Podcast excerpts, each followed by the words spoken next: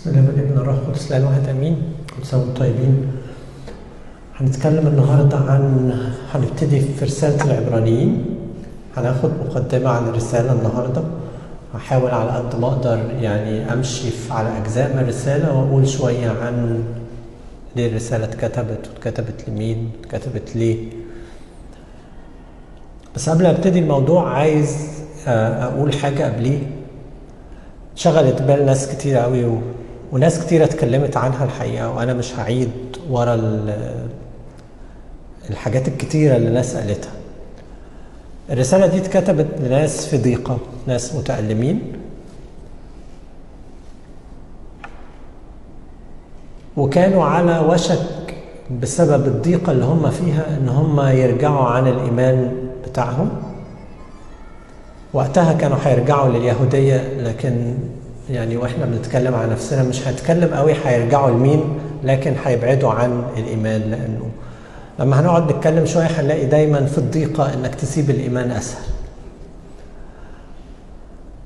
وإحنا بنتكلم عن موضوع الضيقة أو موضوع الألم ناس كتيرة قوي احتارت إن هي تحط معادلة تريح بيها نفسها من موضوع الألم.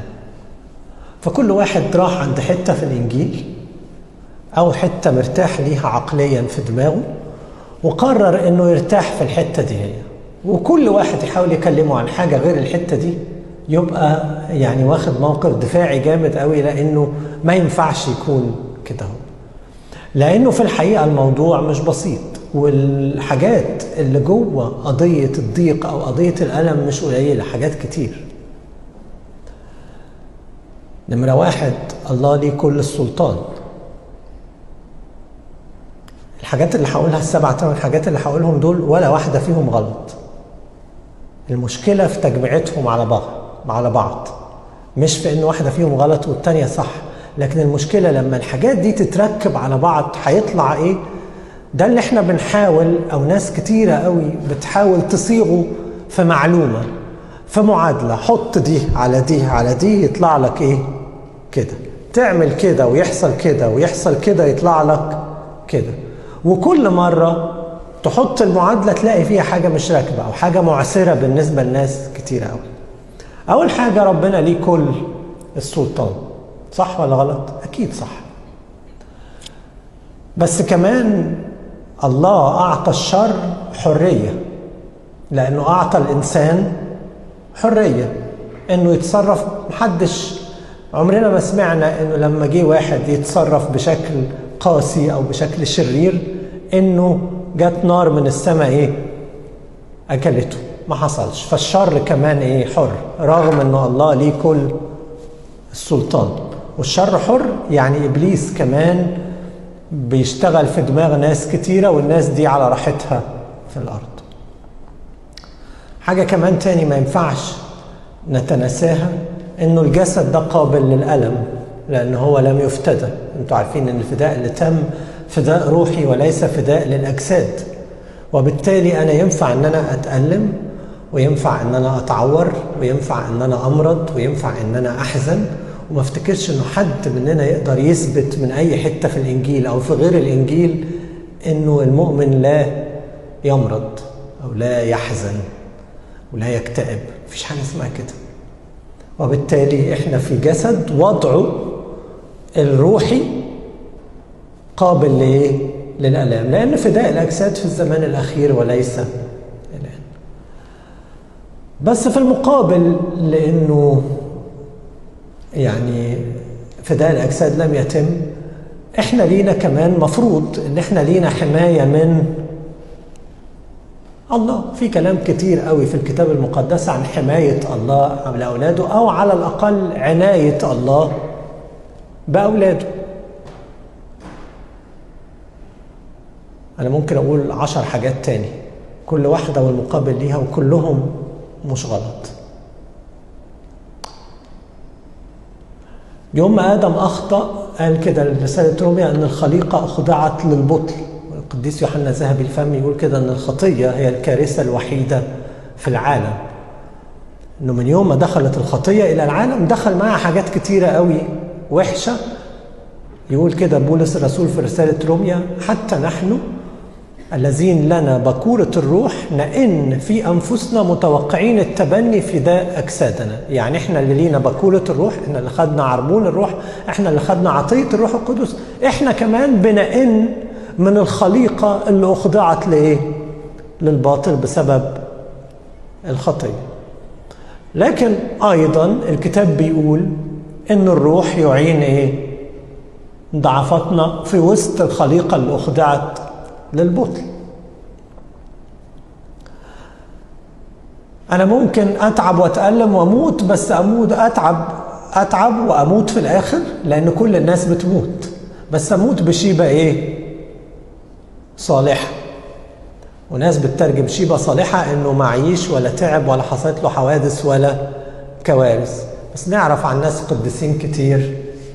يعني لو كده يبقى ما ماتوش بشيبة إيه؟ صالحة ومنهم في الإنجيل كمان. اقروا كده النص الأولاني من عبرانيين 11 يعني الجزء الأخير من الرسالة النص الأولاني في الجزء الأخير. كلهم ماتوا في حوادث. طب هناخد إيه؟ الحاجات دي كلها بتشتغل مع بعض وبيطلع منها حاجة. إحنا ما نعرفهاش. وأنا مش جاي أقولها لأني ما أعرفهاش برضه. ولو حد ضحك عليك وقال لك إنه يعرفها تأكد إن هو ما يعرفهاش. الرسالة دي بتتكلم عن كده. بتتكلم عن الضيق اللي بيمر بيه الجماعة العبرانيين دول اللي هم اليهود اللي آمنوا بالمسيح واضطهدوا بسبب الإيمان بتاعهم. وموضوع الرسالة بيشير لحاجة هي المفتاح للقضية دي هي وده اللي إحنا هنحاول ندور عليها دلوقتي. أنا هبتدي أقرأ الإصحاح الأولاني هقرأ الإصحاح الأولاني بس. عادة افتتاحية أي رسالة بتحمل الموضوع بتاعها من جوه، أنا هجاوب على ال يعني شوية التساؤلات اللي أنا حطيتها هتكلم عنها دلوقتي، بس خلينا نقرأ الإصحاح الأولاني كده عشان نعرف المفتاح اللي الرسالة بتتكلم عنه إيه؟ المفتاح اللي بيديه للجماعة المضطهدين دول، الجماعة المتألمين. عادة لما بتكتب جواب لحد أول كام سطر في الجواب بتبقى أنت أول كام سطر وآخر كام سطر كمان. بتبقى بتقول الفكرة اللي أنت متحمل بيها هي اللي بتقوم إيه؟ قايلها على طول. وبعدين تبتدي تشرح فيها في النص. وبالتالي أهم سمة لرسالة العبرانيين هتبان من أول ما ابتدى الرساله أنا هقراها وسؤالي ليكم وأنا بقراها كل واحد يحاول يطلع إيه أهم حاجة بتتكلم عنها الرسالة دي هي. غير موضوع الضيق. أنا قلت موضوع الضيق خلاص. يعني أهم حاجة تانية الرساله بتتكلم عليها. نفتح مع بعض اللي معاه إنجيل رسالة العبرانيين الاصحاح الأول يقول كده. الله بعدما كلم الآباء بالأنبياء قديما بأنواع وطرق كثيرة. كلمنا في هذه الأيام الأخيرة في ابنه الذي جعله وارثا لكل شيء الذي به أيضا عمل العالمين الذي وهو بهاء مجده ورسم جوهره وحامل كل الأشياء بكلمة قدرته. بعدما صنع بنفسه تطهيرا لخطايانا جلس في يمين العظمة في الأعالي صائرا أعظم من الملائكة بمقدار ما ورث اسما أفضل منهم لأنه لمن من الملائكه قال قط أنت ابني أنا اليوم ولدتك. وأيضا أنا أكون له ابا وهو يكون لي ابنا. وأيضا متى أدخل البكر إلى العالم؟ يقول ولتسجد له كل ملائكة الله. وعن الملائكة يقول الصانع ملائكته رياحا وخدامه لهيب نار. وأما عن الابن كرسيك يا الله إلى ظهر الدهور. قضيب استقامة قضيب ملكك. أحببت البر وأبغضت الاسم. من أجل ذلك مسحك الله إلهك بزيت الابتهاج أكثر من شركائك. وأنت رب في البدء أسست الأرض والسماوات هي عمل يديك. هي تبيد ولكن أنت تبقى وكلها ثوب كثوب تبلى وكرداء تطويها فتتغير ولكن أنت أنت وسنوك لن تفنى. ثم لمن من الملائكة؟ قال قط اجلس عن يميني حتى أضع أعداءك موطئا لقدميك. أليس جميعهم أرواحا خادمة مرسلة للخدمة لأجل العاتدين أن يرثوا الخلاص؟ هنا عايزين نطلع مع بعض كده من الإصحاح اللي موجود قدامكم كده. إيه أهم موضوع بتتكلم عليه الرسالة كلها؟ رسالة المتألمين. مين يقدر يقول لي؟ باينة قوي في الإصحاح.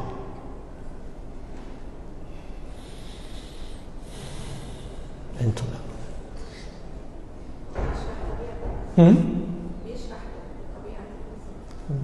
بيشرح طبيعة المسيح. إيه كمان؟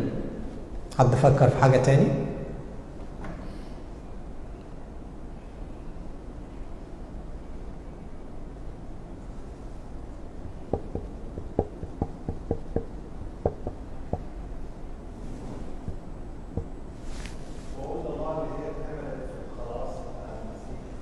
وعود الله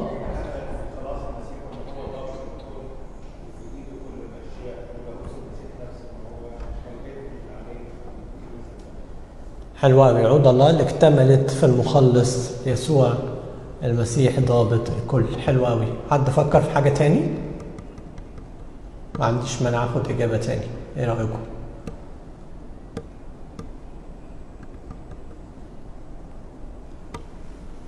أنتوا مش بعيد. محور الكلام في الرسالة دي هي مش عن أحد أعمال الله. ولا حتى عن أحد أعمال الإبن يسوع المسيح. محور الكلام في الرسالة دي عن الإبن نفسه عن يسوع المسيح. الرسالة دي بتتكلم عن يسوع المسيح. حتى بدايتها كده يقول لك الله بعدما كلم الآباء بالأنبياء قديما كلمنا في هذه الأيام الأخيرة في إبنه. الذي وهو كذا وهو كذا وهو كذا وعمال بعد كده يشرح مين هو الإبن. على خلاف رسائل تانية كتير. يعني افتح كده أول إصحاح في روميا أول إصحاح في أفسس أول إصحاح في فيليبي. تلاقي كل رسالة منهم بتتكلم عن أمر معين. فيليبي مثلا تتكلم عن الفرح. أفسس تتكلم في نصها الأولاني عن غنى النعمة ونصها الثاني عن دور الناس اللي نالت النعمة. أطلب إليكم أن تسلكوا كما يحق للدعوة التي دعيتم إليها. ده النص الثاني من أفس النص الأولاني. مبارك الله أبو ربنا يسوع المسيح الذي إيه؟ باركنا بكل بركة روحية في السماويات روميا تبتدي عن أعمال الابن المخلص. لكن هنا مش بيتكلم عن أعماله ولا عن بركات في المسيح ولا عن طلب لسلوك معين. لكنه بيتكلم عن مين؟ عن شخص الابن يسوع المسيح علشان يقول إن هو أعظم علشان يقول إن هو أفضل علشان يقول إن هو المفتاح بتاع الضيقة والمفتاح بتاع الحل بتاع الضيقة اللي أنتم موجودين فيها. لما ذكرت ليكم مجموعة الحاجات اللي تبدو إنها متناقضة في موضوع الألم وده حقيقي. لو أنت هتطلع منها معادلة ما فيش معادلة بتطلع من حاجتين يطرحوا من بعض يطلعوا لك زيرو. يعني أنا إبليس شرير وطايح على الأرض بس ربنا ليه كل السلطان. تقدر تقول لي هيحصل إيه معاك؟ لما جم افتروا عليك في الشغل ومشوك بدون أي سبب إبليس طايح في الأرض بس ربنا ليه كل السلطان. اقعد بقى تخيل واخترع ربنا له كل السلطان عشان أنا سبت الشغل ده فأكيد هيجي لك إيه؟ شغل أحسن منه احتمال. بس في الآخر المعادلة مش راكبة.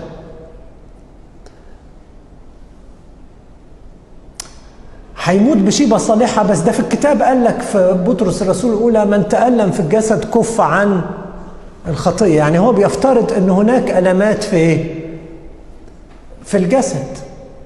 وفي يقول لك نتالم معه لكي نتمجد أيضا معه. لأن خفة ضيقتنا الوقتية تنشئ لنا ثقة المجد أبدي. طب منين الحاجات دي بتتجمع مع بعض؟ وأنا في الألم إيه اللي يعزيني؟ خلي بالك الشخص المتألم عادة ما بيقبلش كل الوعظات بتاعه الألم. أنا في أوقات كتيرة كنت متألم في حياتي وفتحت سيريز بتتكلم عن الألم. وقعدت أسمع وأسمع وأسمع وأسمع. مفيش حاجة النفس بترتاح فيها غير كلمة تبقى جاية من مين؟ من ربنا. تبقى جاية من ربنا ليها. وده ما بيتأتاش وما بيحصلش غير في المسيح. وده أمر شخصي. حل اللغز وحل المعادلة في حياة كل شخص عن طريق الابن يسوع المسيح. عشان كده يقول لك بعدما كلم الآباء بالأنبياء قديما كلمنا في إيه؟ في ابنه. الابن هو كلمة الله لكل واحد فينا. وبالتالي لكل شخص بشكل فردي وبشكل شخصي جدا له كلمة من المسيح في ألامه تهدي النفس وتريحها وتعزيها. وتشجعها وترشدها وتقنعها وتعمل معاها حاجات كتيرة قوي. بس هي مش عامة. هي مش حل للمعادلة المتناقضة اللي أنا ذكرتها ليكم.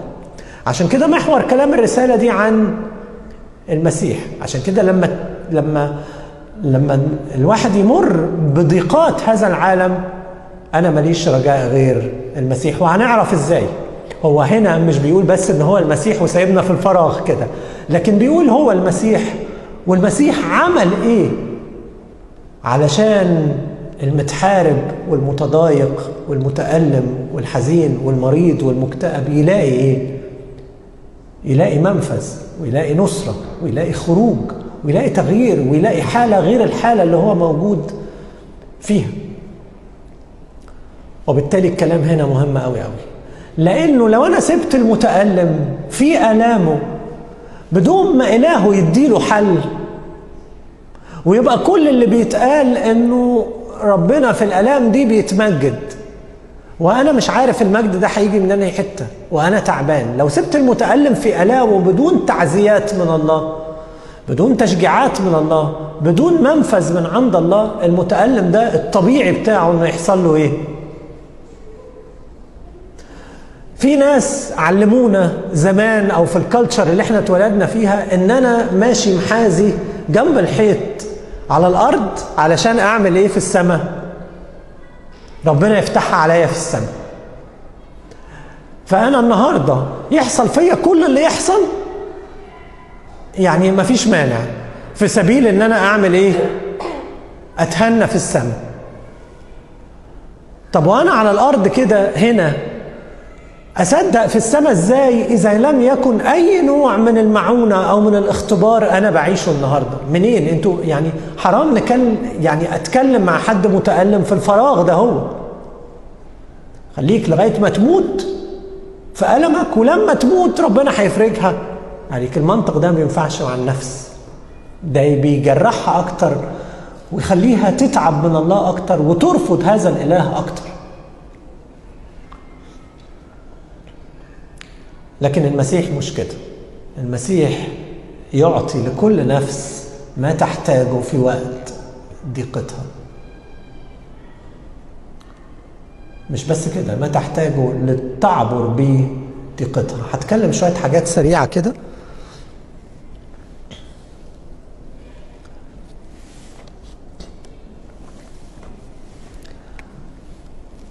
كلام الرسالة ده يهمنا إحنا كناس لأنه في تطابق جامد قوي بين اللي إحنا بنمر بيه في هذه الأيام واللي هم مروا بيه وقتها. الكتابة دي اتكتبت وقت قصير قوي قبل خراب أورشليم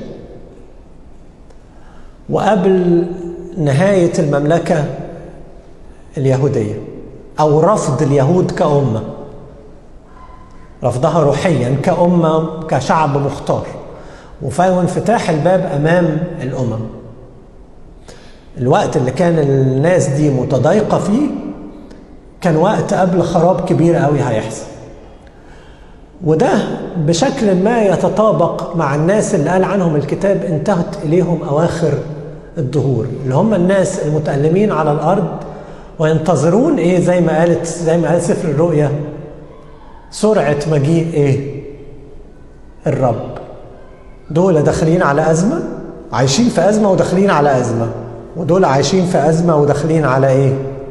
على انقضاء الأيام دول محتاجين رسالة ودول أيضا محتاجين رسالة لدرجة أن المسيح لما جم التلاميذ اتكلموا معاه في متى 24 عن خراب أورشليم ما اتكلمش عن خراب أورشليم لوحدها راح اتكلم عن خراب أورشليم وانقضاء إيه؟ الظهر مع إنه اورشليم خربت من سنة 70 وإحنا لغاية دلوقتي في المرحلة اللي بين خراب اورشليم وانقضاء الظهر بصوا كده في إنجيل متى في الإصحاح ال 24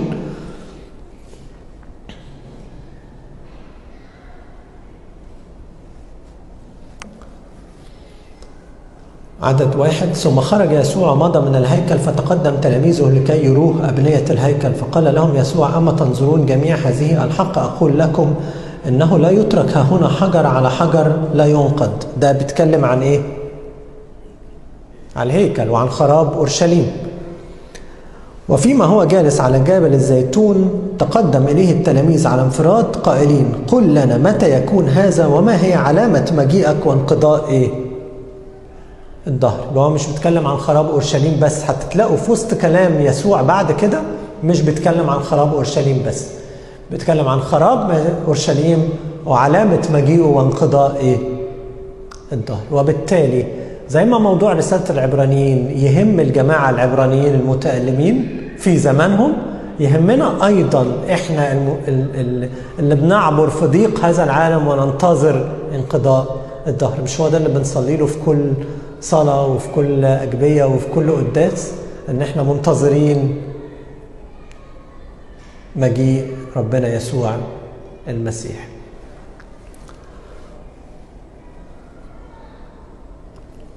حاجة تانية بتتكلم عنها الرسالة غير إنها بتعلن شخص ربنا يسوع المسيح بقوة لكنها كمان فيها حتت كتيرة قوي بتشدد إيمان الناس اللي موجودة في الضيقة دي هي عن طريق برضو المسيح عن طريق إنها بتقول إن المسيح أفضل وأعظم من أي وضع تاني ممكن تقبل بيه إن هو يكون في حياتك. إحنا عارفين إنه لو بن لو اتكلمنا على الجماعة دول هنلاقي إنه في الوقت اللي كانوا عايشين فيه هم اضطهدوا بسبب الإيمان بتاعهم.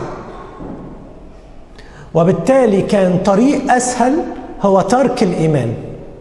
زي ما بالظبط تلاقي ناس كتيرة قوي طريق أسهل بالنسبة لها في العالم إنه هي تتصالح مع العالم.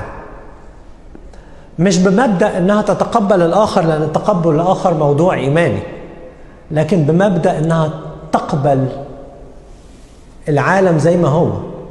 في فرق إن أنا أقبل عن إن أنا وافق.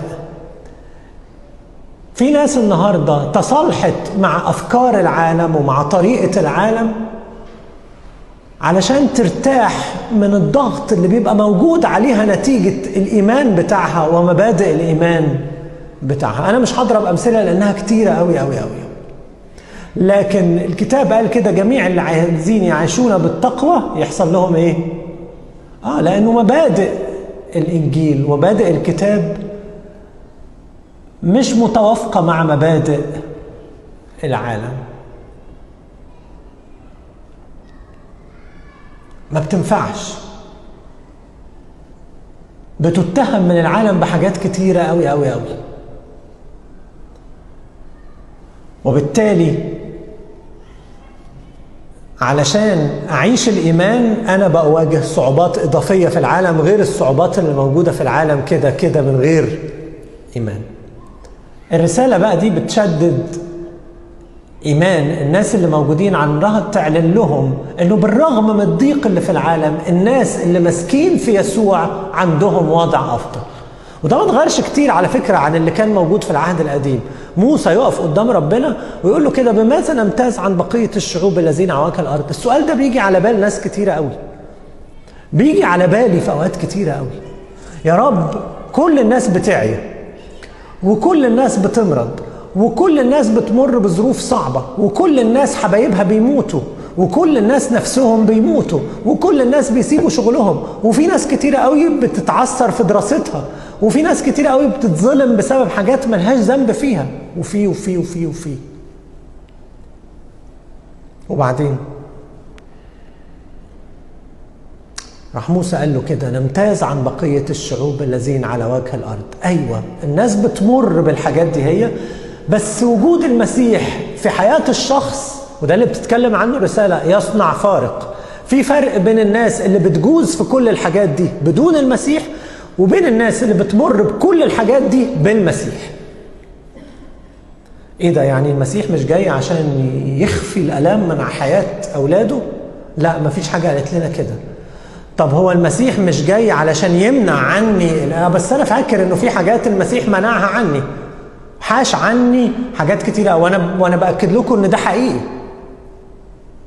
بس ما تقدرش كل مرة تثبته. ما تقدرش كل مرة تشوفه. لأنك ما تعرفش هو بيعمل إيه. لأنك لازم تاخد رسالة هو منه هو في الضيق بتاعك. مفيش وضع عام أقدر احطه أحط نفسي عليه النهارده وأنا بوعظ. في القضية دي هي. مفيش غير المسيح. هتبقى مرة واحد كلمني من مصر قعد معايا ساعة ونص على التليفون يكلمني عن المحنة اللي بيمر بيها وعن كل الآراء المتضاربة عن الألم. وأنا ما كانش عندي. لو هضيف له هضيف له رأي من وسط 60 رأي أكيد أفضل من رأيي كانوا. وكتابيين أكتر من رأيي كمان. ما كانش عندي حاجة أقولها له غير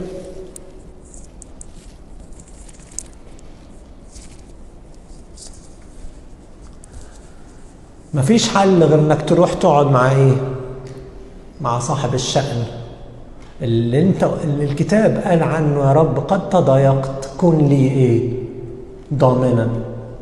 هو الضامن. هو ده اللي تروح تقعد عنده وتسمع منه ويتكلم معاك ونفسك ترتاح فيه. كان في أحدهم كده مرة قال إنه كلمة واحدة تضيء الليل كله. أعرف ناس كتير قوي ما بتنامش من كتر التوتر والقلق والاسترس اللي هي موجودة فيه. من اختبار ناس كتير قوي. الناس دي مش 99% منهم كلهم بلا استثناء. غالبا غالبا كلمة واحدة بتخليه ينام زي الأطفال. بس مين يقول الكلمة دي؟ لازم تبقى جاية له من عند المسيح. من غير كده مش مش هيرتاح. هتفضل تقول له حاجات هي نص ساعة ويرجع يفكر فيها تاني. الألام اللي الناس بتمر بيها ما بينفعش فيها إنك تقنع حد يقول أنا جدع. أنا جدع دي ما بتكملش كتير. لكن لما المسيح يقول لك كده إن كلمة الله حية وفعالة وأمضى من كل سيف ذي حدين وخارقة إلى مفرق النفس والروح ومميزه لأفكار القلب ونياته لما كلمة الله تخش جوه النفس النفس بترتاح. وهو ده الحل الوحيد. هنعمل حاجة صغيرة مع بعض عشان ما بقاش بتكلم الشويه اللي فاضلين طول الوقت. أنا هقول لكم شوية آيات هناخدهم آية آية. وعايز من كل آية تطلعوا لنا أحد أهداف الرسالة. إحنا عارفين إن الهدف الكبير بتاعها إنها بتعلن عن شخص. الابن يسوع أغنى رسالة في الكتاب المقدس في الكلام عن شخص الابن يسوع المسيح. بس أنا هتكلم عن حاجات تحت شخص الابن. حاجات كأنها محطوطة كسب تايتلز في الرسالة دي. كل آية بتقول واحد منهم بس. أنا هقول الآية وأنتوا تقولوا لي إيه الغرض بتاع الرسالة اللي موجود في الآية دي وينطبق علينا إزاي لو قدرتوا. نفتح مع بعض عبرانيين عشرة.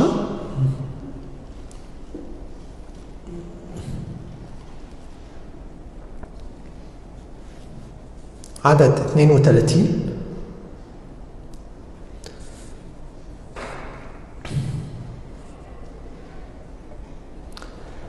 ولكن تذكروا الأيام السالفة التي فيها بعدما أنرتم يعني بعد ما قبلتم الإيمان صبرتم على مجاهدة آلام كثيرة من جهة من جهة مشهورين بتعييرات وضيقات ومن جهة صائرين شركاء الذي تصرف فيهم هكذا يا إما أنتم كنتوا بتمروا بالضيقات يا إما أنتم كنتوا أصحاب الناس اللي مروا بالضيقات لأنكم رثيتم لقيودي أيضا.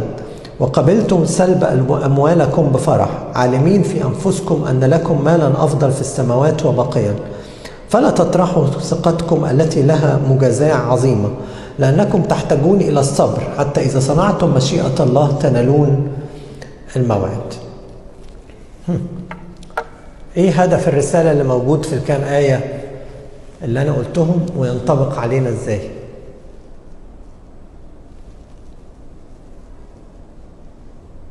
يعني جزء اساسي في الغرض اللي الناس بتتكلم عنه هنا لا تطرحوا ثقتكم وحته الصبر كمان على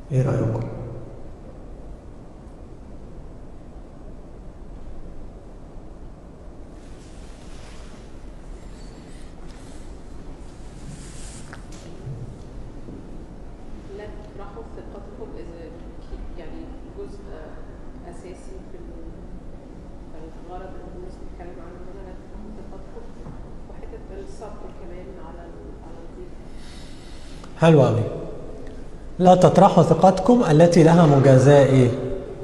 عظيمة. أول غرض بتقولوا الرسالة للناس دي عشان ما يتركوش الإيمان أوعى تكون فاكر إن الصبر بإيمان لن يجازى وأنا بأكد ليكم كده كل شخص في المسيح صبر بإيمان له مجازاة مش كنا إحنا محدودين وأنا ما شفتش فلان الفلاني المتضايق. شفته وهو متضايق بس ما شفتوش لما اتجازى. ده مش معناه إنه لا توجد مجازاة. أول حاجة يقولها لهم قال عن المسيح كده قال عن الله كده إنه ليس بظالم حتى ينسى تعب إيه؟ المحبة. ربنا مش ظالم ربنا عادل جدا. عادل مع الأشرار وعادل أيضا مع إيه؟ مع أولاده. أول حاجة يشدد بيها كل المؤمنين وعايز أقول لكم في كل أنواع الألم إنه الذي يصبر له مجازاة إيه؟ عظيمة. تاني حاجة نفتح عبرانيين عشرة نفس الإصحاح عدد 37 ل 39 بعدها على طول. لأنه بعد قليل جدا سيأتي الآتي ولا يبطئ. أما البار فبالإيمان يحيا وإن ارتد لا تسر به نفسي وأما نحن فلسنا من الارتداد للهلاك بل من الإيمان لاقتناء النفس إيه رأيكم؟ إيه الهدف الثاني من الرسالة؟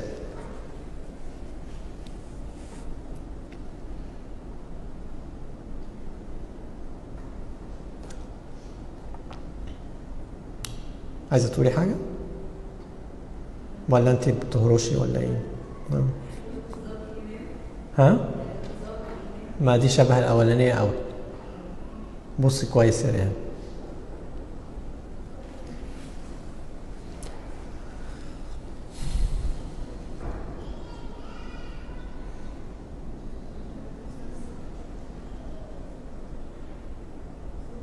سهلة أوي على فكرة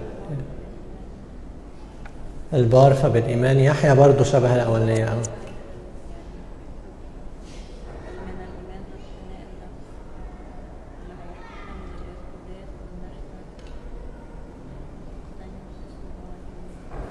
كويس. اللي بتقوله رانيا وده غرض تاني من الرسالة.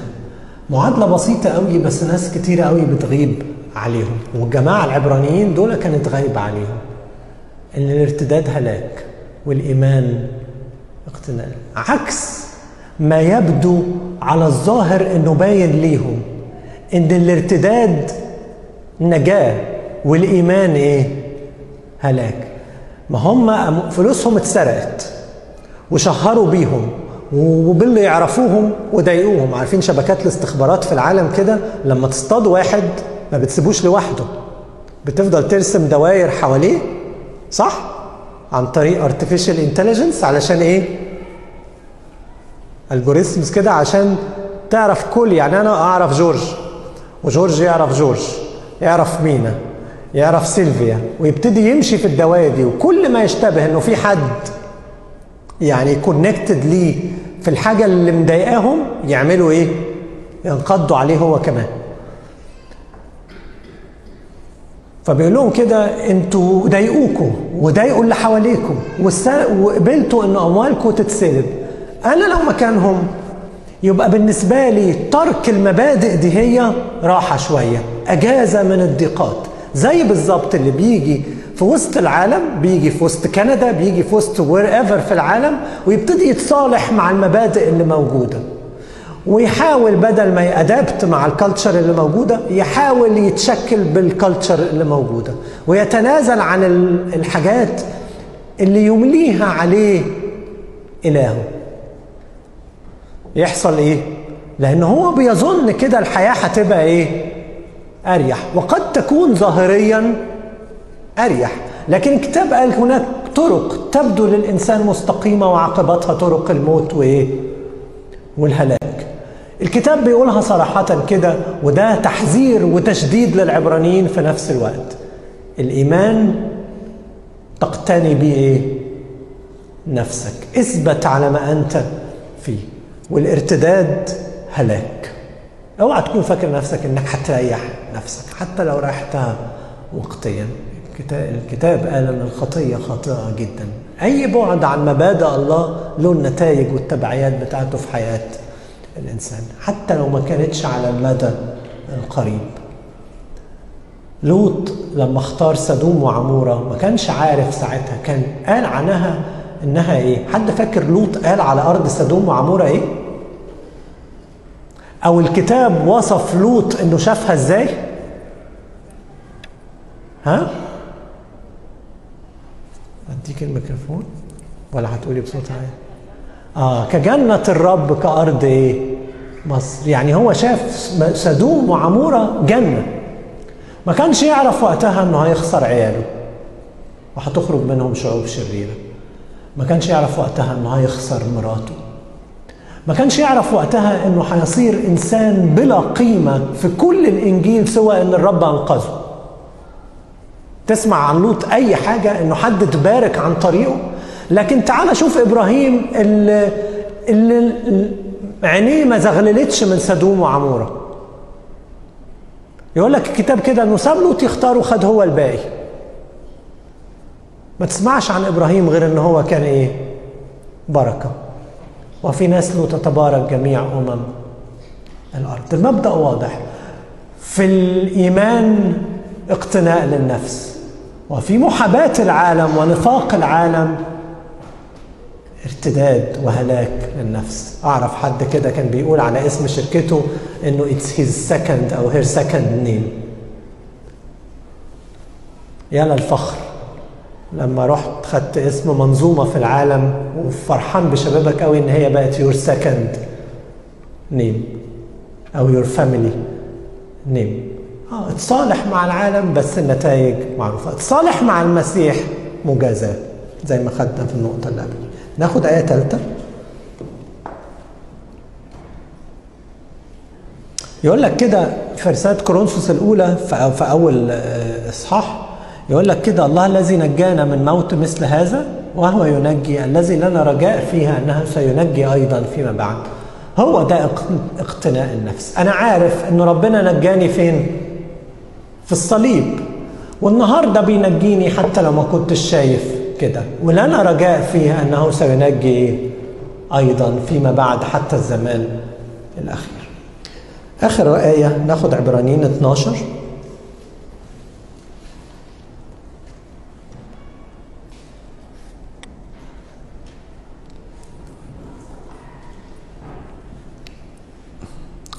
ناظرين إلى رئيس الإيمان ومكمله يسوع المسيح الذي من أجل السرور الأمامه احتمل الصليب مستهينا بالخزي فجلس في يمين عرش الله. فتفكروا في الذي احتمل من الخطاة مقاومة لنفسه مثل هذه لئلا تكلوا وتخوروا في نفوسكم. لم تقاوموا بعد حتى الدم مجاهدين ضد الخطية وقد نسيتم الوعظ الذي يخاطبكم كبنين يا ابني لا تحتقر تأديب الرب ولا تخر إذا ولا تخر إذا وبخك.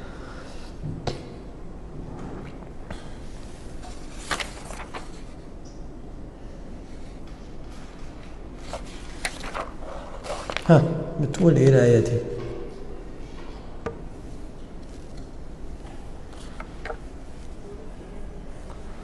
ها؟ دور الجهاد والتأديب إيه رأيكم؟ بالظبط كده طب المسيح كرول موديل عمل إيه؟ احتمل حتى المجد يقول لك كده ناظرين إلى رئيس الإيمان ومكمله. يعني أنت رب مش عايزني ابص لليديا؟ لا طبعا مش عايزك تبص لليديا. طب ولا بص بالمشكلة اللي حصلت لجورج؟ ولا جورج؟ جورج مش مثال ليا. ولا طيب. لنيلسون مانديلا ولا نيلسون مانديلا مش مثال ليك. ولا أمين الخدمة ولا أمين الخدمة ولا أي حد. مين المثال؟ طب أنت كنت يسوع مثال في إيه؟ احتمل من أجل السرور الموضوع أمامه. أنا كمان كل حاجة في المسيح أمامها إيه؟ سرور. ليها سرور. ليا رجاء إن هناك إيه؟ سرور. يبقى الهدف الثالث اللي كان بيكلمهم عنه ناظرين إلى رئيس الإيمان ومكمله يسوع المسيح. عمال ينقل الوعي من حاجة قديمة كانت موجودة عند العبرانيين دول في العهد القديم إلى شخص إيه؟ المسيح لأنهم كان عايزين يرتدوا لليهودية. فهو بينقلهم لشخص المسيح كأنه بيتحول من الظل للأصل. زي ما في سفر الخروج يقول لك عن خيمة الاجتماع كده إنها مثال المسكن بس مش هي المسكن المسكن الحقيقي موجود فين؟ في السماء. فبيقول لك بعدما كلم الآباء بالأنبياء قديما بأنواع وطرق كثيرة. أنواع وطرق يعني أجزاء وصور متعددة. يعني كلمهم بالرؤى بالأحلام بظهورات الملائكة بالعليقة بعمود النار بعمود السحاب بالمن بالسلوى بموسى بهارون بالذبيحة برئيس الكهنة. دي كلها أنواع وصور. كل حاجة فيهم قالت حاجة عن الله. بس ما فيش ولا واحدة فيهم تقول مين هو ربنا. اللي إحنا بنعبده. مفيش حاجة غير حاجة واحدة قالت مين هو؟ الله. يقول لك كده الله لم يره أحد قط. الابن الوحيد هو خبر. عايز تعرف الله؟ ثبت العين على شخص المسيح. عايز عيالك في مدارس الأحد يعرفوا ربنا؟ وأعتقد دي رسالة مفروض تبقى رسالة أي حد فينا من الدرس اللي بيديه كل أسبوع. ما تخليش درس ما يبقاش السنتر بتاعه المسيح لأنه المسيح هو اللي هينقذهم. معرفة الله نجاة ليهم. يقول لك كده عنه على اسمه يكون رجاء الأمم. ليس بأحد غيره الخلاص. وبالتالي أهم حاجة يكون السنتر هو المسيح. ده اللي بيتكلم عنه هنا هو. الأنواع والطرق الكثيرة اللي في العهد القديم ما فيش واحدة فيهم قالت الله بالكامل لكن يقول لك كده كلمنا في هذه الأيام في إيه؟ في ابنه. ابنه مش مثال ولا ظل زي ما قال على عهد الناموس عايز تعرف المسيح الله بيعمل إيه؟ شوف المسيح عمل إيه واللي ما عملهوش المسيح ما يعملوش الله. طب بس أصله في يعني أنا عارف في ناس كتير قوي عندها يعني مشاكل في حاجات في العهد القديم. لو اللي في العهد القديم مش مطابق للي عمله المسيح ارجع ذاكر العهد القديم كويس قوي. لكن اوعى تقول من اللي انت مش فاهمه في العهد القديم انه ربنا كده. بلاش نشوه صورة ربنا. ربنا هو اللي عمله إيه؟ طب العهد القديم ده بلاش؟ لا العهد القديم مليان كنوز بس ما تتفهمش غير من إيه؟ يقول لك كده المسيح هو بيتكلم عن أمثال الملكوت في متى 13 قال لهم كده سأفتح فمي بمكتومات منذ تأسيس العالم. يعني شوية الأمثلة اللي في متى 13 دول بتوع أمثال ملكوت السماوات ما اتقالش عنهم قبل كده منذ تأسيس العالم. يعني لو حد فسر لك أي مثل من أمثال الملكوت وقال لك إنه آه تفسير المثل ده هو إنه ربنا بيحب شعبه يبقى أكيد بيفسر المثل ده غلط. ليه؟ لأن إن ربنا بيحب شعبه دي اتقالت قبل كده كتير. إيه الجديد في كده؟ ما ينفعش يتقال عليها سأفتح فمي بإيه؟ مكتومات منذ تأسيس العالم. ما ينفعش يتقال عليها كده.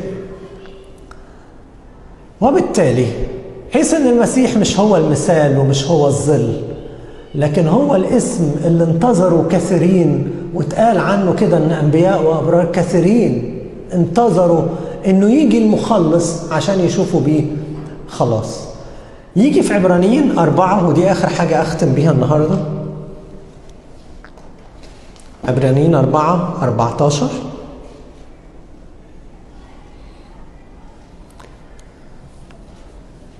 هختم بحتة عملية شوية علشان دي هتبقى مثال للي ممكن نطلع بيه من الرسالة مش هي كل اللي موجود لكن مثال صغير. فإذ لنا رئيس كهنة عظيم قد اجتاز السماوات يسوع ابن الله فلنتمسك بالإقرار. لأن ليس لنا رئيس كهنة غير قادر أن يرسي لضعفتنا بل مجرب في كل شيء مثلنا بلا خطية فلنتقدم بثقة إلى عرش النعمة لكي ننال رحمة ونجد نعمة عونا في حينه يمتاز إيه هنا يسوع عن رئيس الكهنة؟ ويفرق إيه بالنسبة لنا الكلام ده؟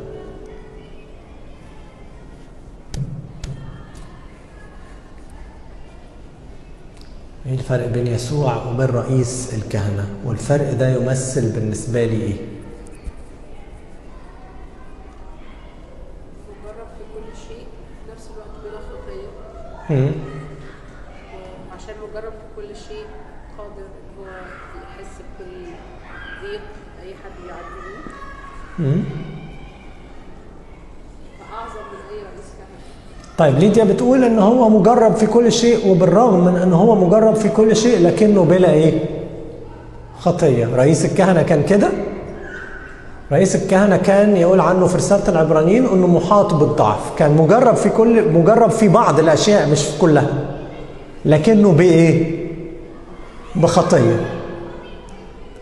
وبالتالي ما يقدرش يشفع فيا قوي لأنه ما انتصرش. دي أول حاجة. إيه كمان؟ بماذا يمتاز المسيح عن رئيس الكهنة؟ وده يفرق معايا في إيه؟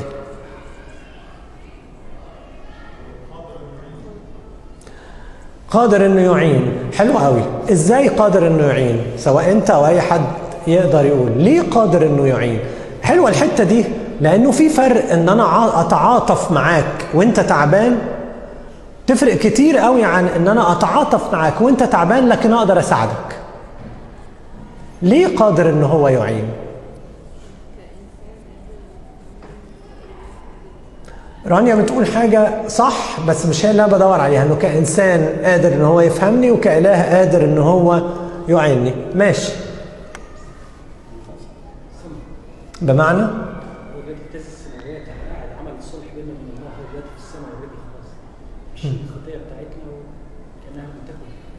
هو في السماء دلوقتي. يقول عنه الكتاب إن هو اجتاز بس حد يعرف ليه استخدم تعبير اجتاز إلى السماوات؟ ها؟ لأنه رئيس الكهنة ما ينفعش ما كانش بينفع يجتاز إلى قدس إيه؟ الاقداس غير مرة واحدة في السنة لما كان في يوم الكفارة. عشان يقدم عن خطاياه الشخصية وعن خطايا إيه؟ شعبه لكن دوا اجتاز مرة واحدة وجلس عن يمين العظ قعد بقى. هناك علشان يعمل إيه؟ عشان يشفع فينا. طب برضه ده يفيدنا في إيه؟ أنا مش عايز أقول كلام ما ينفعش نطلع منه بحاجة. كويس بيشفع فينا. ناس بتفهمنا إن هو بيصلي لنا هناك ناس بتفهمنا إن هو شال خطيتنا. كل الحاجات دي مش غلط. بس عايزين حاجة يعني نطلع بيها النهاردة لأنفسنا. كسبنا إيه إن هو يشفع فينا كل حين. خلي بالك برضو دي حتة مهمة. رئيس الكهنة كان بيحاول يشفع فينا مرة إيه؟ في السنة. لكن ده يشفع فينا كل حين. رئيس الكهنة كان بيخش إلى مثال المسكن. لكن دوك بيخش فين؟ إلى المسكن الحقيقي في السماويات. دوا كان بيقف أمام أشباه الحقيقة. رسالة العبرانيين قالت كده. إنه بيقف أمام أشباه الحقيقة. لكن ده كان بيقف فين؟ عن يمين عرش العظمة في الأعالي. هايل نعمل إيه بالكلام ده؟ فكري تستعجلش نعمل إيه بالكلام ده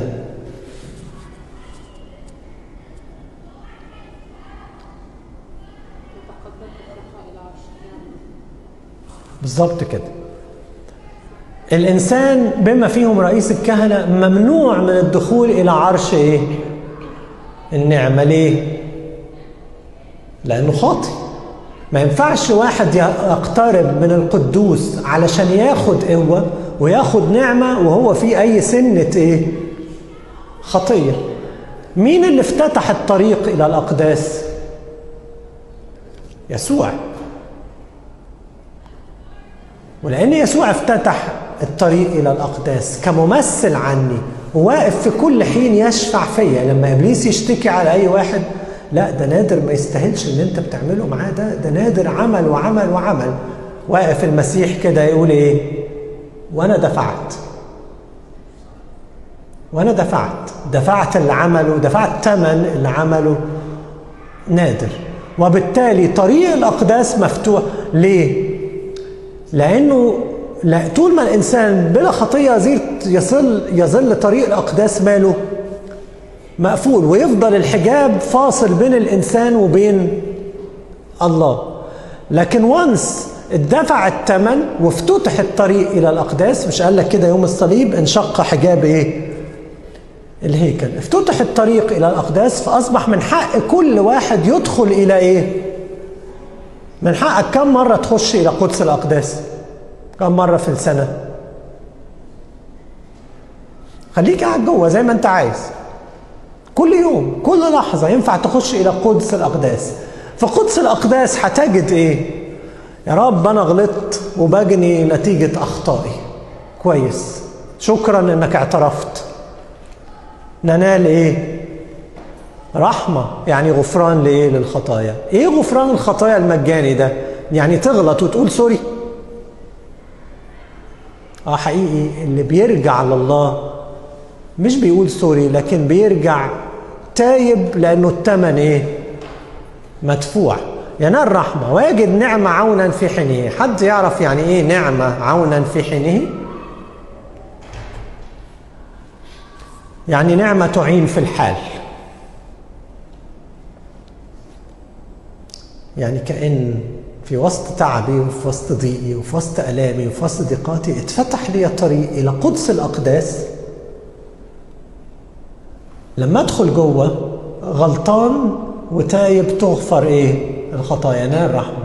ونجد نعمة عونا في حين. ألاقي النعمة جاهزة إنها تسندني تعين ضعفي في أوقات ترشدني في أوقات تبكتني وتقنعني بخطيتي في أوقات تانية تقودني لأمور معينة في حياتي. تقودني لمشيئة الله في أوقات تالتة تصالحني على مشيئة الله في حياتي. في أوقات تانية تفتح ذهني على المكتوب فأقرأ وأشبع وأتعزى. في أوقات تانية ألاقي سند روحي حقيقي موجود جوه نفسي يعني إن أنا أكمل المسيرة. ألاقي كل عشان كده يقول لك فكم بالحري الآب الذي في السماء يعطي إيه؟ يعطي الروح القدس للذين إيه؟ وكأن ده استجابة كل الطلبات. كل واحد يدخل هيطلع بحاجة. عشان كده كنت بقول لكم في الأول الرد على معادلة الألام في قدس الأقداس اللي افتتحه المسيح. عشان كده مفتاح حل الآلام هو فين؟ في قدس الأقداس في المسيح اللي افتتحه المسيح. وبدون المسيح وبدون الإيمان بدخول قدس الأقداس افضل دور على حلول لإيه؟ للمعادلات. وهتلاقيها بتتعثر كتير قوي. في حتة ما بتتجاوبش. دايما في كل نظرية في حتة ما بتتجاوبش. قال لك كده إنه ربنا بيتمجد بالألام دي. أيوه يا رب يعني أنت بتتمجد بالبنات المؤمنين اللي كانوا بيصلوا في كنيسة في العراق ودخلوا عليهم داعش اغتصبوهم أنت بتتمجد بالطريقة دي؟ لو أنت بتتمجد بالطريقة دي أنت مش إلهي. وما يشرفنيش إن أنا اعبدك صح ولا أنا غلطان؟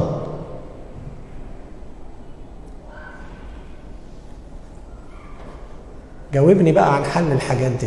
حل الحاجات دي. كل واحد فين؟ في مخدعه. يجد نعمة تعينه في الحال. هيجي يلاقي الكلمة اللي قلت لكم عليها تضيء الليل إيه؟ كله. هيلاقي قوت. فاكرين لما ظهر الملاك لإيليا وقال له خد لأن المسافة إيه؟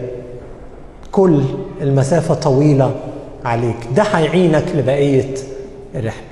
عشان كده إحنا في احتياج وإحنا بنقرأ رسالة العبرانيين العين تتفتح على شخص المسيح والحاجات اللي ممكن ليا يقدمها شخص المسيح لأنه هي مفتاح مفتاح ال ال يعني الانتصار في الضيق.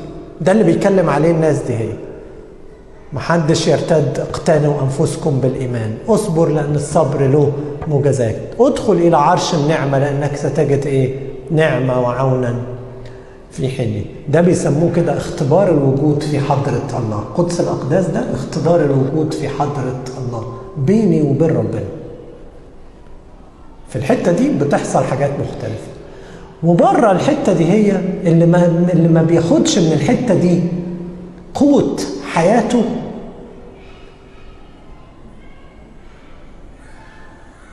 كل نظريات الدين فالصو بالنسبة له. واقدر أطلع لك عند البوذيين والهندوس والإسلاميين زيها. عشان كده المسيحية؟ مسيحية اختبار. اختبار الوجود في حضرة إيه؟ الله. قال له موسى كده بماذا نمتاز عن بقية الشعوب؟ أليس بمسيرك معنا؟ كاتب الرسالة هنا بيعلن لكل هؤلاء العبرانيين عايز ترجع لمين يا حبيبي؟ عايز ترجع للناموس؟ عايز ترجع لموسى؟ عايز ترجع لرئيس الكهنة؟ عايز ترجع للذبيحة؟ عايز ترجع للخيمة؟ عايز ترجع للملائكة؟ عايز ترجع المسيح إيه؟ أعظم. ودي رسالة لينا إنه المسيح إيه؟ أعظم من أكلك ومن شربك ومن لبسك ومن بيتك ومن عيالك ومن مراتك ومن باباك ومن موتك ومن شغلك ومن سفرك ومن أجازاتك ومن فسحك ومن انبساط المسيح إيه؟ أعظم من كل ملك آخر أخذته في حياتي لأنه إيه؟ لأنه ينجي لأنه يرثي لضعفتنا مش بس يرثي لكنه يعمل إيه؟ عنده المنفذ لأنه يعين في الضعف قادر أن يعين في الضعف حد يحب يسألني في حاجة؟ لله كل المجد والكرامة من الآن